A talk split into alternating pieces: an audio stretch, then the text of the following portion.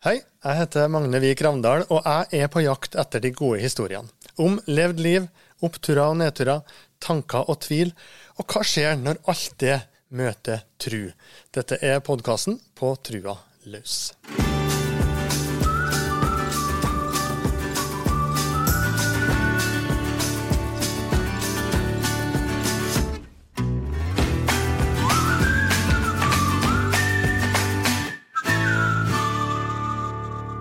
Skal du få høre om pastoren som ble reality-TV-kjendis. Om eh, en påsketur utenom det vanlige. Om sykdommen som plutselig forsvant, og bilstereoen som plutselig dukka opp. Og hva alt det her har med tru å gjøre. Erlend Indergård, god dag, god dag. Du, så spennende. Koselig ja. å være her, Magne. Trivelig å ha deg her. Ja. Eh, Reality-kjendis, ja. Du var rett og slett med i Farmen i eh, fjor. Er det sånn at hvis du går på gata her i Trondheim, så blir du gjenkjent? Du, det er nok Det er ikke riktig så galt, altså. det går fort over. Eh, ja, men jeg hadde en uh, runde her, eh, kom ut av Rema 1000 bort på torget her en kveld, og i døra så møter jeg ei dame som Nei, Farmen-pastoren! Og så kasta hun seg rundt halsen på meg. men, ak men, akkurat da det sto på, ja. da var du liksom overalt å se og høre, og Dagbladet, og hvordan Opplevde du den oppmerksomheten? Du, Nei, jeg syns Jeg var litt sånn forberedt på det. Og så mm. var det litt sånn tanken min også. Jeg hadde litt lyst til å gjøre tru litt sånn tydelig. Mm. Eh, og, og, få lov å på en måte bruke det som en liten sånn eh, ja, inngangsport. Mm. Så jeg håper at det ble positivt. I hvert fall fått mye tilbakemeldinger. Ja, vi skal snakke litt mer om det etter hvert. Vi skal ta en tur til Farmengården litt senere i samtalen, tenkte jeg. Men ja. er det også en type som som kan like litt det her med oppmerksomhet og det å bli kjent igjen? Ja, jeg gjør det, sjø. du framstår som litt sånn energisk og ja, utadvendt. Altså, jeg, no, jeg, tenker vel at jeg er litt sånn laga for det. Mm. Eh, og derfor så tør jeg å stille meg fram også. Våge å, våge å si at her, her, tror jeg har noe mm. som kan eh, gjøre seg godt på teip. Mm.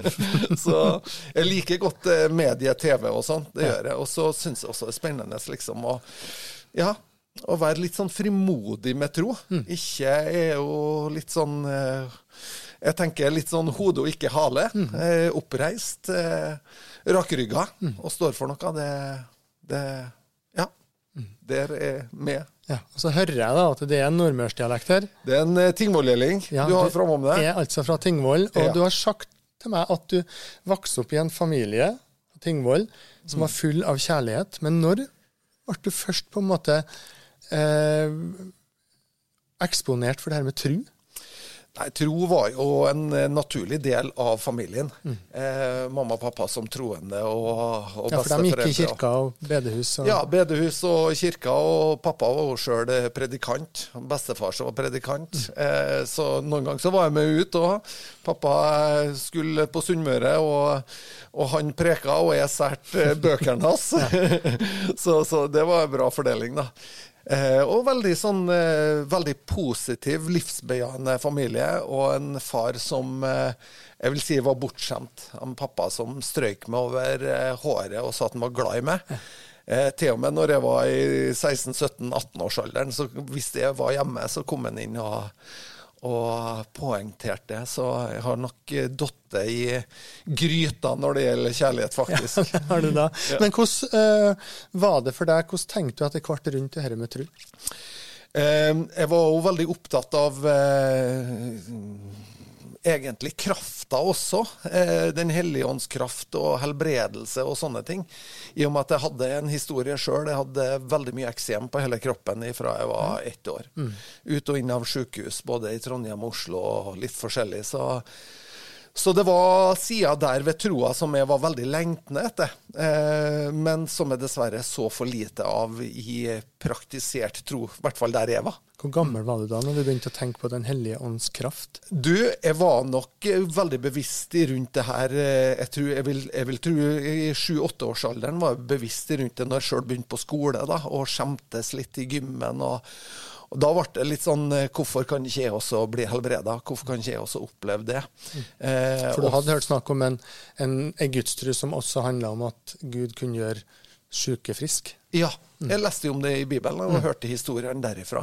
Og da var det litt sånn Og det gjorde kanskje at eh, litt sånn i, i 15-16-årsalderen så vendte ikke troa av ryggen, men litt sånn Jeg syns det ble litt uaktuelt for meg i og med at det ikke var mer relevant opp imot det livet jeg sjøl levde. da. Jeg syns det ble liksom mye gamle historier og lite action på det som skjedde i dag, da. Så ja, altså jeg hadde med en sving der jeg ikke var så veldig aktiv i, i troa i tenåra. Ja. Hvor var du aktiv da? Nei, jeg var nok eh, veldig opptatt. Spilte i band og eh, var opptatt av å være tøffest i, tøffest i bygda. Klarte du det? Nei, det vet jeg ikke. Det var mye tøffinger på Tingvoll. Ja. ja. Mm. Men du var DJ, og du var russepresident, og du var revysjef, og du var, du var frampå? Ja, jeg var frampå. Mm. Vi, var, vi, var, vi likte livet, da. Likte livet, Alltid likte livet veldig godt, da. Mm. Eh, og ikke alltid Altså, det var jo en festkultur òg, men jeg er jo litt sånn som Jeg er frimodig nok til å ha det artig sjøl om jeg var sjåfør, liksom. Så, så, hadde ikke det behovet for å drikke så mye. Det hadde jeg ikke, sjøl om jeg gjorde det. Men eh, ja. Takknemlig og veldig sånn easy going, vil jeg tro sjøl, da. Mm. Mm. Og så drar du til Oppdal på en påsketur som blir helt spesiell. Ja, jeg inviteres av en god venn som blir en kristen, eh, som jeg spiller i band sammen med. og Han blir en kristen og inviterer meg med på på en skileir mm. på Imistølen på Oppdal. Og, den, eh, og jeg er jo med, liksom, for jeg tenker jeg skal stå på ski, og jeg tenker at uh, mamma er lettlurt, som sponser hele uka, liksom. Uh, og så inviteres jeg med på et uh, kors, ei korssamling på kvelden. Og da er det liksom en gjeng med ungdommer som sitter i dunge på gulvet og mm. har tent lys i korsformasjon. Og der er noen gutter fra Trondheim som, som jeg har blitt litt kjent med. da. Og de spør om de får lov å be for meg, mm -hmm. og det gjør de. Eh, de ber først på norsk, og så ber de i et språk som jeg aldri har hørt før. Eh, og jeg spør hva gjør dere? Mm. Eh, og så sier han ene litt sånn Vi ber i tunga. Mm. Og da sier jeg 'fortsett, det her var godt'. Eh, og da får jeg en opplevelse, og sjøl om jeg ikke regner meg sjøl som kristen på det tidspunktet, så har jeg en opplevelse av at her, Erlend, er en smakebit på det du har lengta etter. Eh, og det her er noe som lever i meg det her året, for da er, da er jeg 19 år.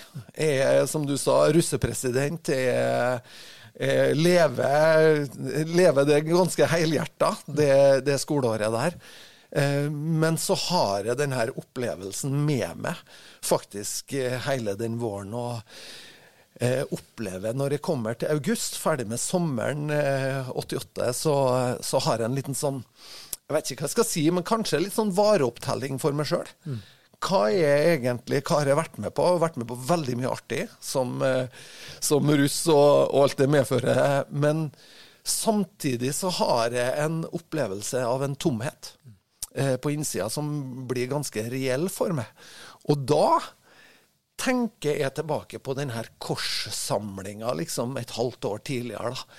Og da blir på en måte den eh, kanskje noe av det største jeg har opplevd i løpet av det året, sjøl om jeg, det var veldig mye annet som mm. skjedde det året. Da. Mm. Når du ser tilbake på den leiropplevelsen, da, den påska i 1988, hva, hva tenker du, hva var det som skjedde? Nei, jeg tror eh, jeg fikk ei berøring. Eh, jeg fikk en smakebit på noe som, som eh, nok trigga noe av lengselen som lå i meg. Berøring av hva? Eh, jeg tror nok det var Den hellige ånd, da. Mm. Det tror jeg. Og jeg tror at han visste hvordan han skulle adressere meg. For han talte til meg om noe som jeg lengta etter hele oppveksten, egentlig. Og opplevde litt mer av krafta bakom budskapet, da. Mm. Så Ja, hva kjente du på når du satt der? Nei, jeg kjente bare på en godhet. Mm. Eh, og i august da så kjente jeg at eh, Da kjente jeg meg tom sjøl, og jeg tenkte med meg sjøl at eh, hvis ikke altså, har ikke livet noe mer å by på altså, enn en liksom å, å, å, være med på forskjellige fester eller å, å, prøve å fylle det med noe mening. Og da var jeg sånn at jeg var helt for meg sjøl. Det var ikke noen kristen setting, sånn, men jeg var for meg sjøl, og da ba jeg til Gud. Hvis du finnes, så trenger jeg det. Og Jesus, hvis du lever i dag, så har jeg lyst til å bli kjent med det.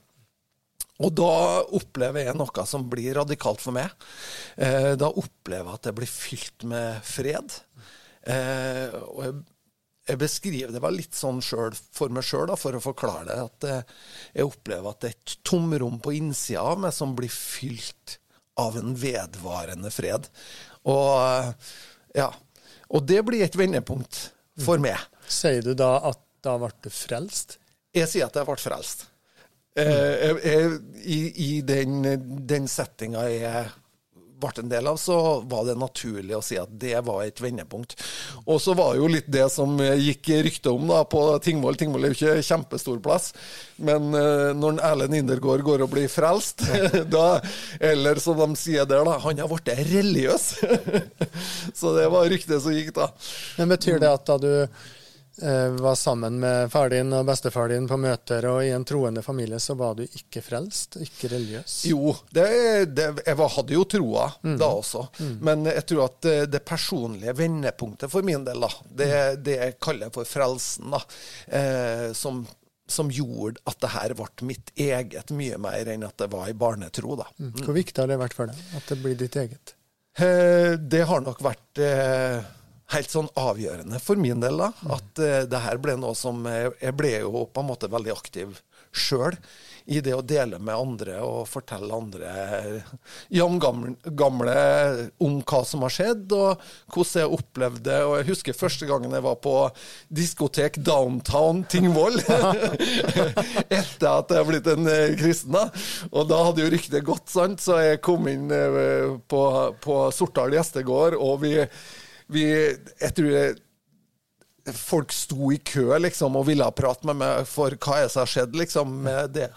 Og fra klokka var ti på kvelden til klokka var ja, ett-to på natta, så liksom måtte jeg bare fortelle og fortelle og fortelle, liksom. Så prøvde å skape en forståelse av hva som ja, ja, og, der, og der fortsetter jo, for du, du, har jo fortalt meg at du tar en sving til Trondheim, er på bibelskole i Trondheim, men så vender du tilbake igjen ja. til Tingvoll. Og fortsett med å fortelle denne historien.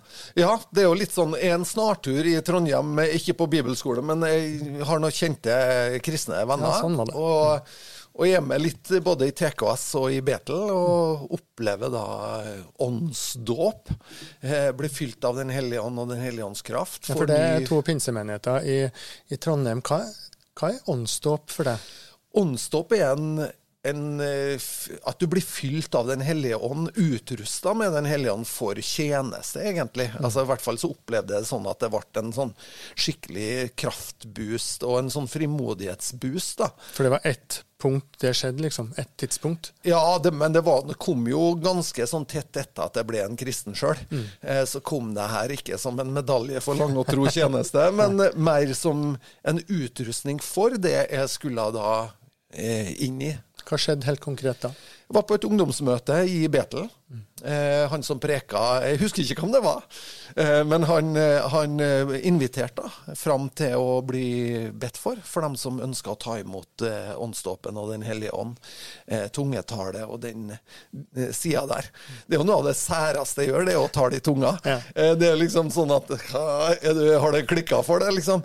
Men jeg har jo en opplevelse av at det fungerer. Mm. det fungerer på den måten at jeg får ting, jeg ser ting. jeg har bønneevner, kanskje, eller situasjoner, mennesker som kommer og vil ha forbønn. og så og så bruker jeg å forklare litt at det her er bønnespråket mitt, og jeg plugger litt inn i, mm. i Jeg bruker å si det litt, det er litt flåsete, men jeg plugger litt inn i guddommen. Ja. Eh, samtidig som jeg plugger inn i djupet av min egen sjel når jeg ber i tunga. Og da, da opplever jeg noen ganger at jeg får bilder og ser ting, og får tanker inn i situasjonen som er litt sånn utover mitt eget forstand. Da, så, så, det er nok en sånn Jeg tenker nok på det som en utrustning da, til mm. den eh, Ja, til å tjene Gud, rett og slett. Mm. Og der i pinsemenigheten Betel, da, i Prinsens gate i Trondheim, så ble du jo da, som du forteller, åndsdøpt. Og, ja. så er historien liksom at du ender opp der igjen. For nå er du der som eh, pastor i eh, Betel, eh, akkurat samme menigheten. Mm. Og menighetsarbeid ble jo etter hvert en sånn arbeidsvei for deg. Og det starta vel egentlig med at du dro hjem og begynte å lage møter på menighetshuset i Tingvoll? Ja, det var faktisk sånn. Altså, at vi, jeg hadde ikke vært en kristen lenger enn to måneder før, før, vi begynte å samles. Først var det?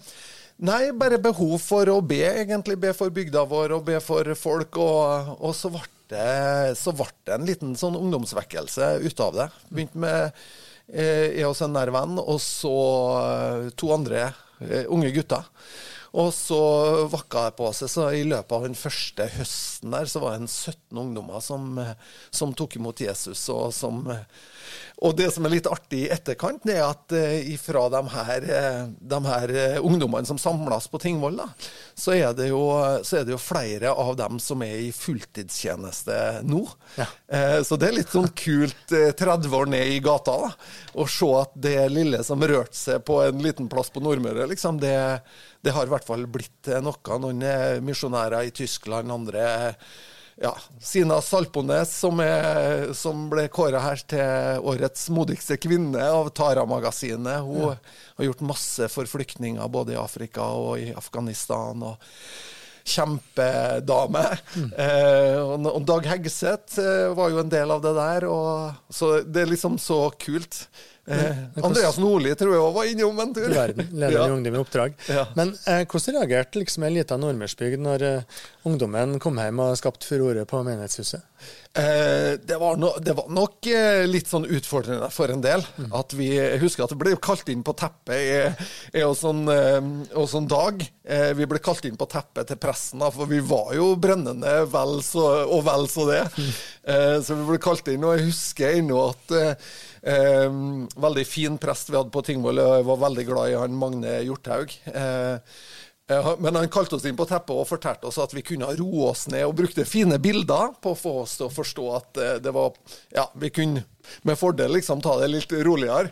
Um, og så husker jeg en dag det var litt sånn nysnø ute, og en dag gikk oppover fra Tingvoll kirke da, og opp liksom opp i bygda der. Så gikk vi, og så kom vi en 300-400 meter opp i gata, og så opplever vi at Den hellige ånd tar det til, og så sier 'vær brennende i ånden'. og da var alt presten har sagt, var glemt. så der, vi fortsetter nå der. ja. Og så nevnte jo det dette eksemen som du hadde, ja. og at du uh, var mye på sykehus, og mm. salver og omslag og det som på en måte hører med. Det er jo mange som kan kjenne seg igjen i akkurat det. Mm. Og så har du fortalt meg at akkurat i den tida her, så skjedde det noe med akkurat det. Ja. Nesten litt sånn rart. Jeg var jo veldig sånn uh, gira på utdanning. Skulle bli arkitekt og hadde klart egentlig at jeg skulle på NTNU. og Uh, og så opplever jeg rett og slett at jeg får uh, beskjed fra militæret. da. Jeg får brev fra militæret. Uh, her er høsten 88, da, i mm. september, eller noe sånt, at jeg er kjent udyktig pga. eksem. Og så tenkte jeg ja, men så greit, da. Da kan jeg jo ta et år på bibelskole. For jeg, i sinnet mitt så hadde jeg ikke tid til det. Mm. For jeg hadde liksom et klart utdanningsløp, da. Der kommer bibelskolen. Der kommer bibelskolen, ja. Og så, så, da bestemte jeg meg for at eh, OK, hvis jeg ikke kan i militæret, så tar jeg et år på bibelskole. Og den kvelden så var vi samla på bedehuset på Tingvoll, eh, nei, på menighetshuset rett ved sida av statskirka. Og der eh, hadde vi et møte. Jeg tror bare vi var fire gutter som ba litt sammen og sånn. Og, og og når jeg altså eh, våkner dagen etterpå, så opplever jeg faktisk at all eksem er forsvunnet da, fra kroppen min. Så det, det er en fantastisk opplevelse for meg. Det var som det var ronnet av meg. Eh, og det ringte ikke til Forsvaret også. det, er, det er mange som kan forstå akkurat det, at det å bli plutselig frisk fra noe som har plaga deg lenge, ja. det må være en stor opplevelse. Men hva tror du det handler om? Nei, jeg tror nok at det handla mye om at jeg hadde fått ting rett på innsida. Det mm. tror jeg faktisk, altså, at det, at det spilte seg ut i kroppen min. Men jeg tror at det, det var en berøring av, av, Jesus da, som jeg har lengta etter siden jeg var guttunge. Eh, og så på en måte så blir jo det også en sånn, veldig sånn styrking av trua mi. da. Mm. At det ja, han kjente adressa mi, han visste hvor jeg bodde hen, og det var ikke vanskelig for han å finne fram til Tingvoll, liksom. Mm. Og berøre meg på en sånn måte, da. Mm. Mm. Det er jo mange som kan høre på det her, som kan tenke at uh, min sykdom blir jo aldri berørt, som du sier da. Uh, mine nærmeste opplever jo ikke at, at de blir friskere i det hele tatt. Dette mm. må jo du sikkert møte også som pastor, vil jeg tro. Og med den erfaringa som du har, mm. hvordan snakker du om det? Jo, jeg tror, at, eh, jeg tror det er viktig å ha med seg et både-og. Mm. Eh, altså det viktigste for oss mennesker, tenker jeg faktisk, da, det er å finne tilbake til vår himmelske far. Mm. Få, få, på en måte kjenne at det lander på innsida eh, ved å ta imot Jesus Kristus. Det er det viktigste for oss, at det detter på plass på innsida. For da, da, er på en måte det et utgangspunkt der vi sier til han eh, far. Vi sier at vi kan få lov å være hassende barn. Så det tror jeg det som er, er det viktigste budskapet i troa også, er nettopp det. Og så er på en måte den, den biten med helbredelse en, en, bit som jeg syns også er en viktig del av det. Eh, og, og, som blir litt naturlig, i hvert fall for min del også, å være med å formidle. da. Rett og slett gjennom at jeg leste at disse tegn skal følge dem som tror i mitt navn skal de Og så står det oppramsa, og da står det bl.a. det at de skal helbrede de syke. Så mange ganger så tror jeg at, eh, at vi, vi, trenger litt å hjelpe hverandre også til å kunne ta imot. Eh, for det alt, både frelsen og alt vi tar imot, er jo det er jo ferdig på Golgata. Mm det er, jo da, det er jo der det her forsoningsverket skjer, og det er også der det står at Jesus bærer våre sykdommer opp på korstreet. Da. Så det er jo på en måte det sentrale punktet i historien. Eh, det er det som skjer på Golgata, og så må vi på en måte eh, henvende oss og tak, takke og ta imot for det som skjedde der. Da. Mm. Men det at det tilsynelatende skjer så ulikt. da, at Noen opplever og forteller om sånne ting som du har opplevd. Andre sier at dette har jeg bedt til alle mulige guder om i tiårsvis, og ingenting har skjedd. Utfordrer det på en måte bildet av Gud for deg? Um, jeg veit ikke om Jeg vet ikke om altså, Jeg tror ikke vi kan ha alle svarene alltid, liksom. Og at vi liksom alltid skjønner hvorfor. For jeg kunne jo stilt spørsmålet mm. hvorfor ble det ikke helbreda tidligere? Mm. Hvorfor opplevde jeg det liksom først når jeg var 19? Eh, jeg har jo liksom plagdes ganske lenge før den tid, og lengselen har vært der lenge òg. Men jeg tror på en måte at de sidene får vi lov å legge litt ifra oss også. Og mm. jeg har jo måttet fulgt mange i grava også, med kreftsykdom og vanskelige ting. Eh, og, så man, man bærer et å, både og med seg i møte med de her tingene. Mm. Men det er ikke noe som, vil, som, har gjort for min del da, at jeg har lagt bort håpet og lengselen etter å se også mirakler, rett og slett. Mm. mm. Og så har man jo også erfart en del av det opp igjennom, da, og sett en del sterke ting som gjør at man man eh, slutter aldri å tro at eh, det også kan skje. da. At det er en mulighet. Mm. Eh, tegn og mirakel snakka du om, og det var jo ei tid på ja, 90-tallet at det var mm. veldig mye snakk om det her med det vokste fram noe som ble kalt for trosbevegelsen. Mm. Altså at det ble planta ganske mange nye menigheter. I en del etablerte menigheter så skjedde det liksom veldig sånn tydelige mm. ting. Mm. Det var en forkynnelse om sterk tru og hva du kunne på en måte utrette mm. i trua på Gud. Uh, og veldig mye av det var linka til et, en menighet og en bibelskole i Uppsala i Sverige. Veldig mange fra Norge som dro dit, mm. og du var en av dem. Jeg var en av dem. Ja. Fra Tingvoll. Fra Tingvoll. Ja, og du dro altså til bibelskole i Uppsala, uh, Livets Ord. Ikke nødvendigvis eh, heia på hjemmefra?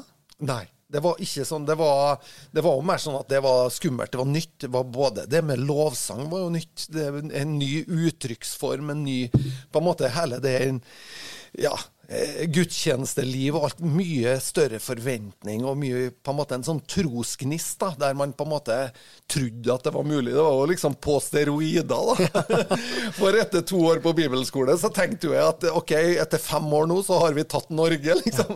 Så det var jo Ikke noe som kunne stoppe dere? Nei, vi var jo, vi var jo ustoppelige. Og, og jeg, men jeg setter veldig pris på, utrolig takknemlig, fordi at jeg som eh, en ung mann da, fikk lov å få Guds ord og et fundament i troa, eh, rettferdigheten i Kristus og en del sånne ting som datt på plass, som gjorde at man på en måte var en sånn en trygghet da, som, som, ble etablert på innsida, som jeg har vært Man kan jo si mye om trosbevegelsen. Ja da, det er vel sår etter for ja, folk som har vært i en ja i det er mange, med det. mange som, som, har opplevd det, men, men jeg er veldig takknemlig over helheten mm. av det. Eh, om jeg kan si at jeg har spytta ut en del bein, og så sitter igjen med veldig mye godt også ifra det. Du fortalte meg det at rett etter det, for du møtte jo kona di, Annika, der, ja. og dere flytta tilbake til Nordmøre. Begynte som ungdomsarbeidere i en menighet. og så, Da sa du at da var vi kjappe til å ta inn Gud-faktoren i beregninga. Ja, vi gjorde det. Hva er Gud-faktoren for noe? Nei, Det er jo at man lever med forventning, tenker jeg. at det er, Og det, sier, det gjør jeg jo fremdeles i dag. Jeg lever med en forventning om at eh, både jeg og alle andre mennesker også lever under en åpen himmel, da, som Gud har åpna for oss.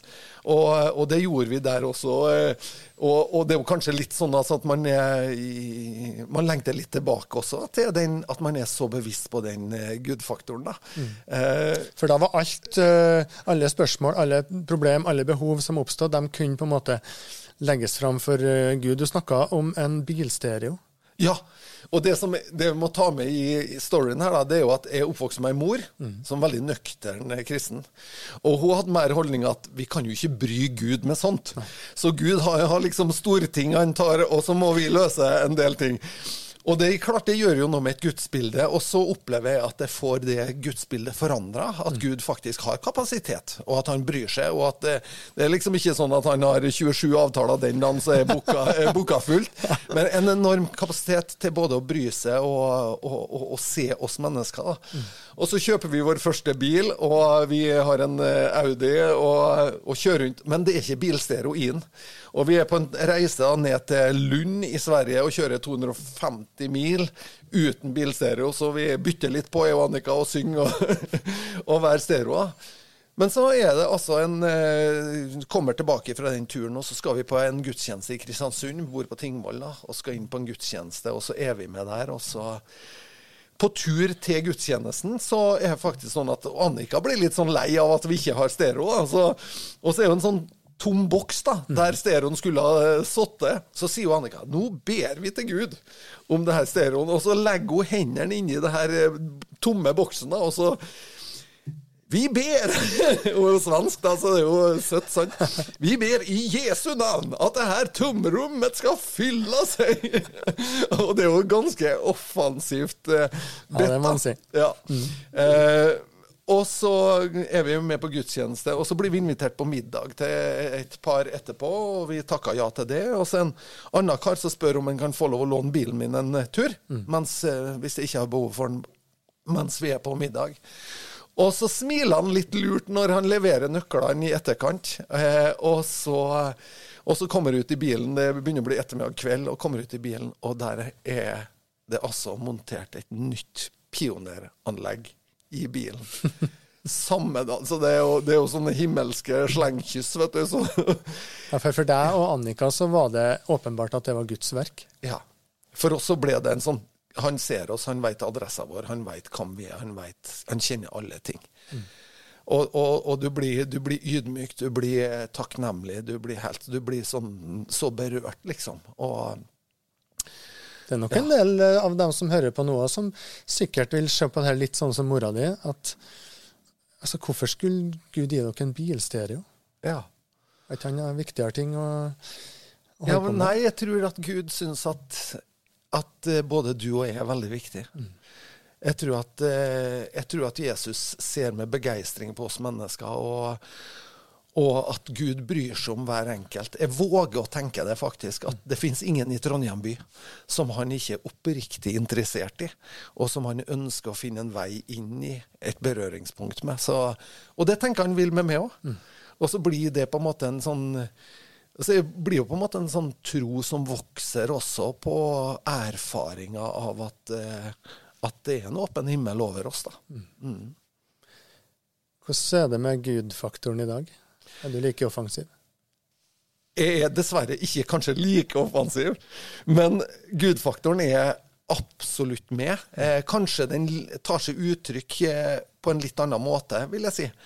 Eh, men noen ganger så tenker jeg også at det er de her små erfaringene, eller de tidlige erfaringene man har hatt med Gud, som også skaleres opp.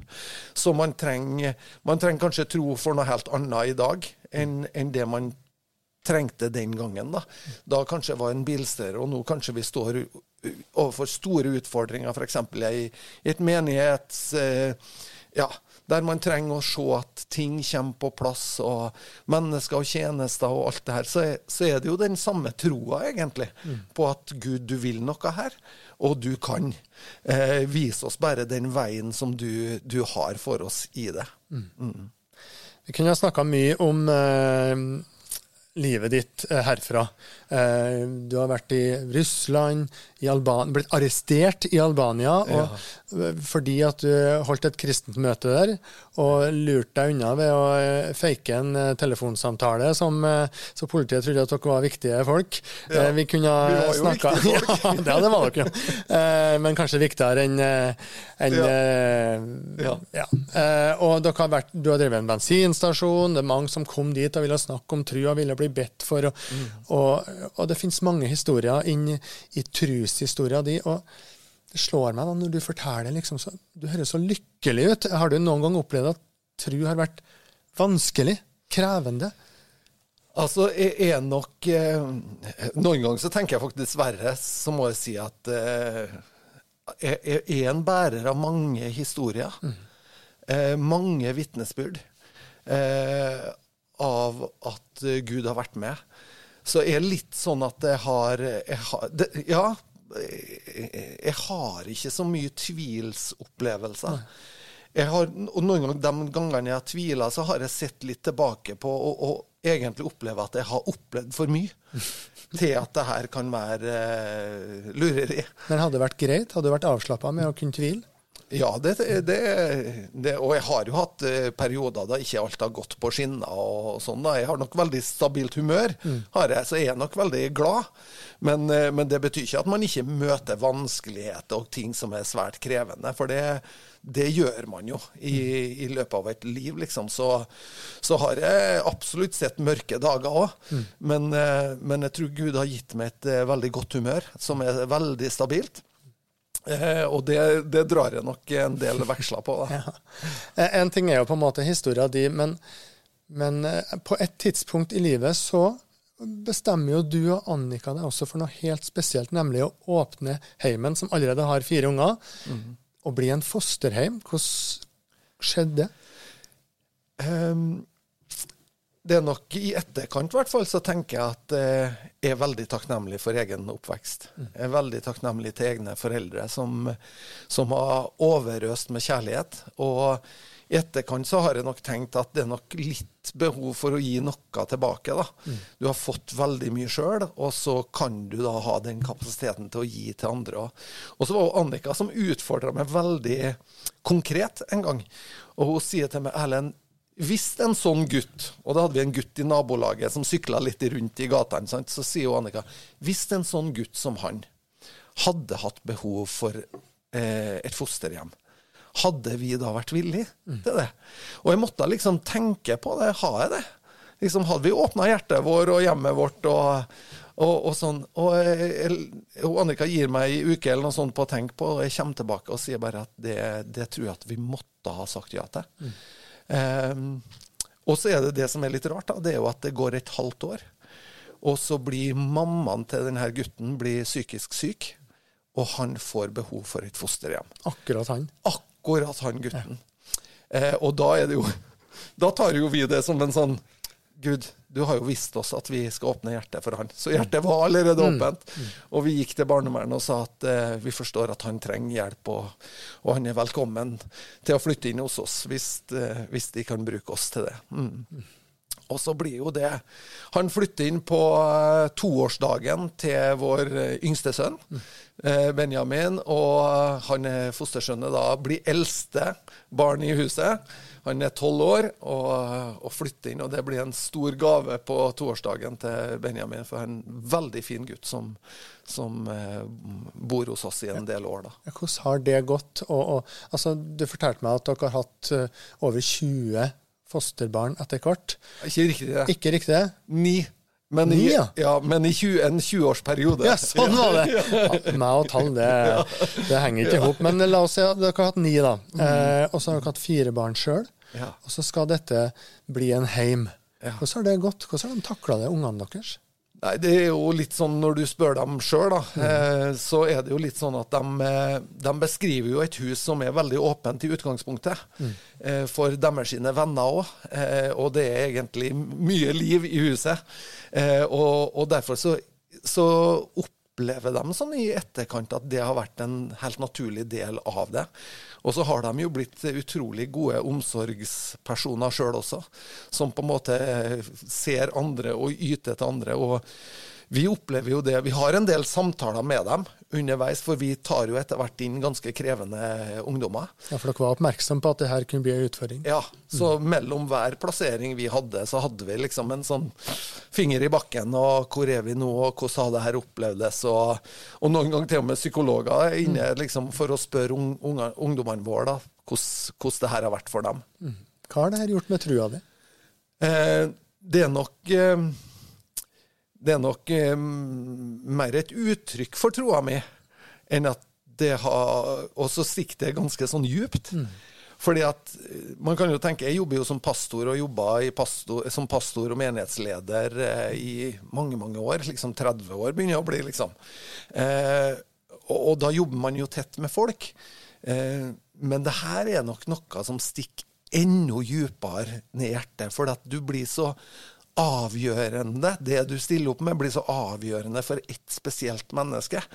Eh, og det at du på en måte kan ta en ungdom da som er mørk i blikket, og jeg husker en de presenterte for oss, og det var nesten sånn at når, når Bufetat pres presenterte ungdommen for oss, så så vi for oss en med horn. sant?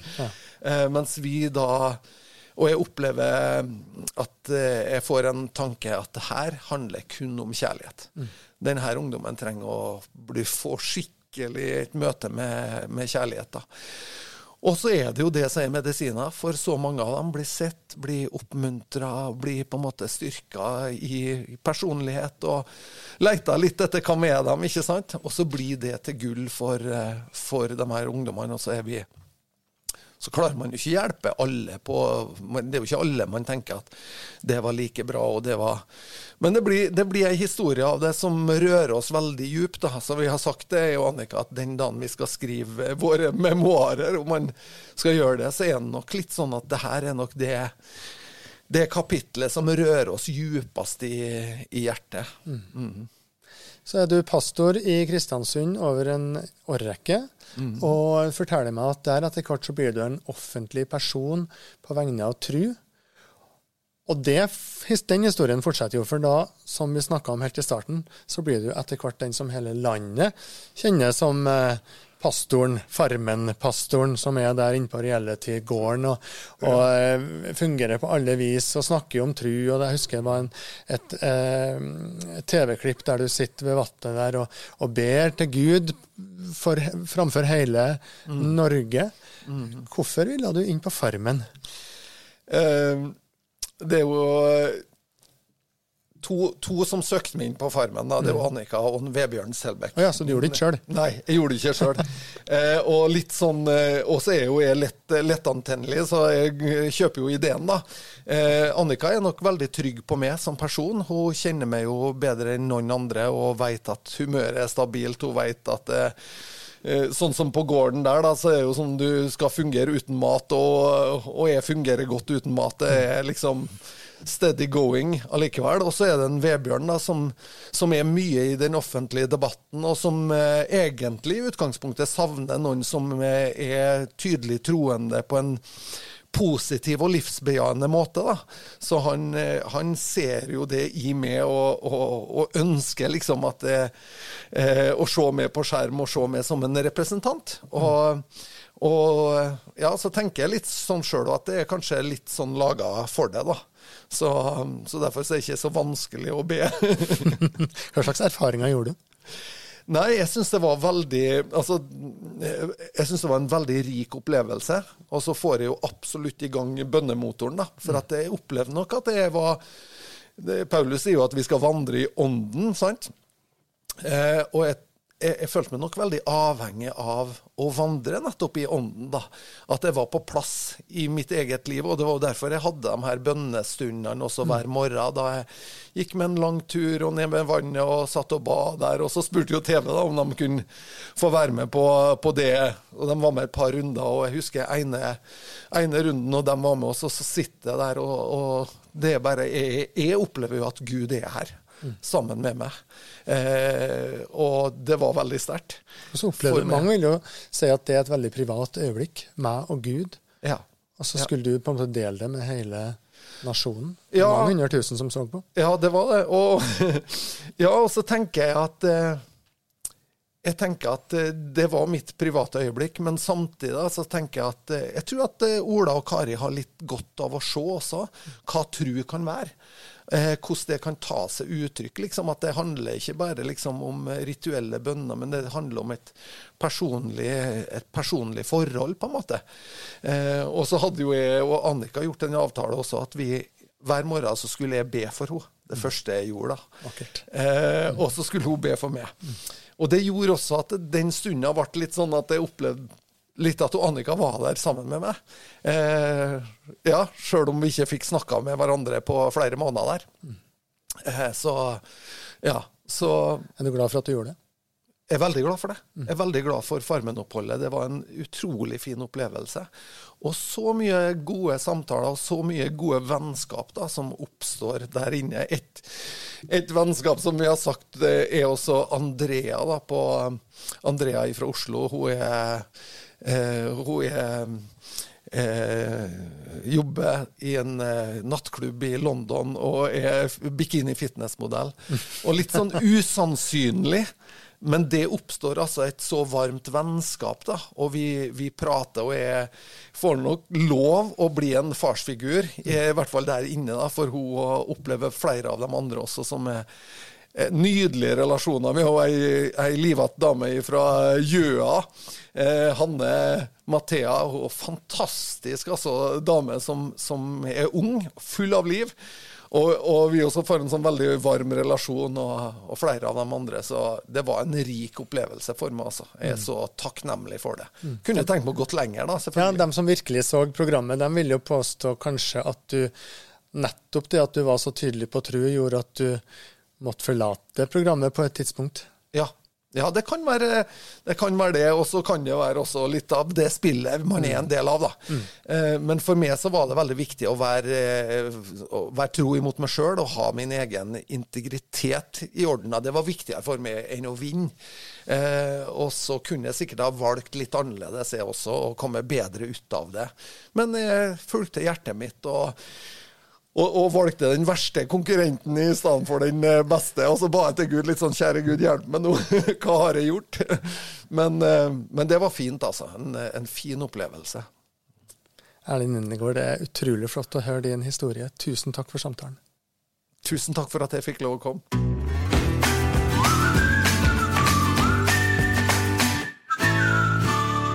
På Trua laus er en podkast fra Nidaros bispedømme. Programleder er Magne Vik Ravndal.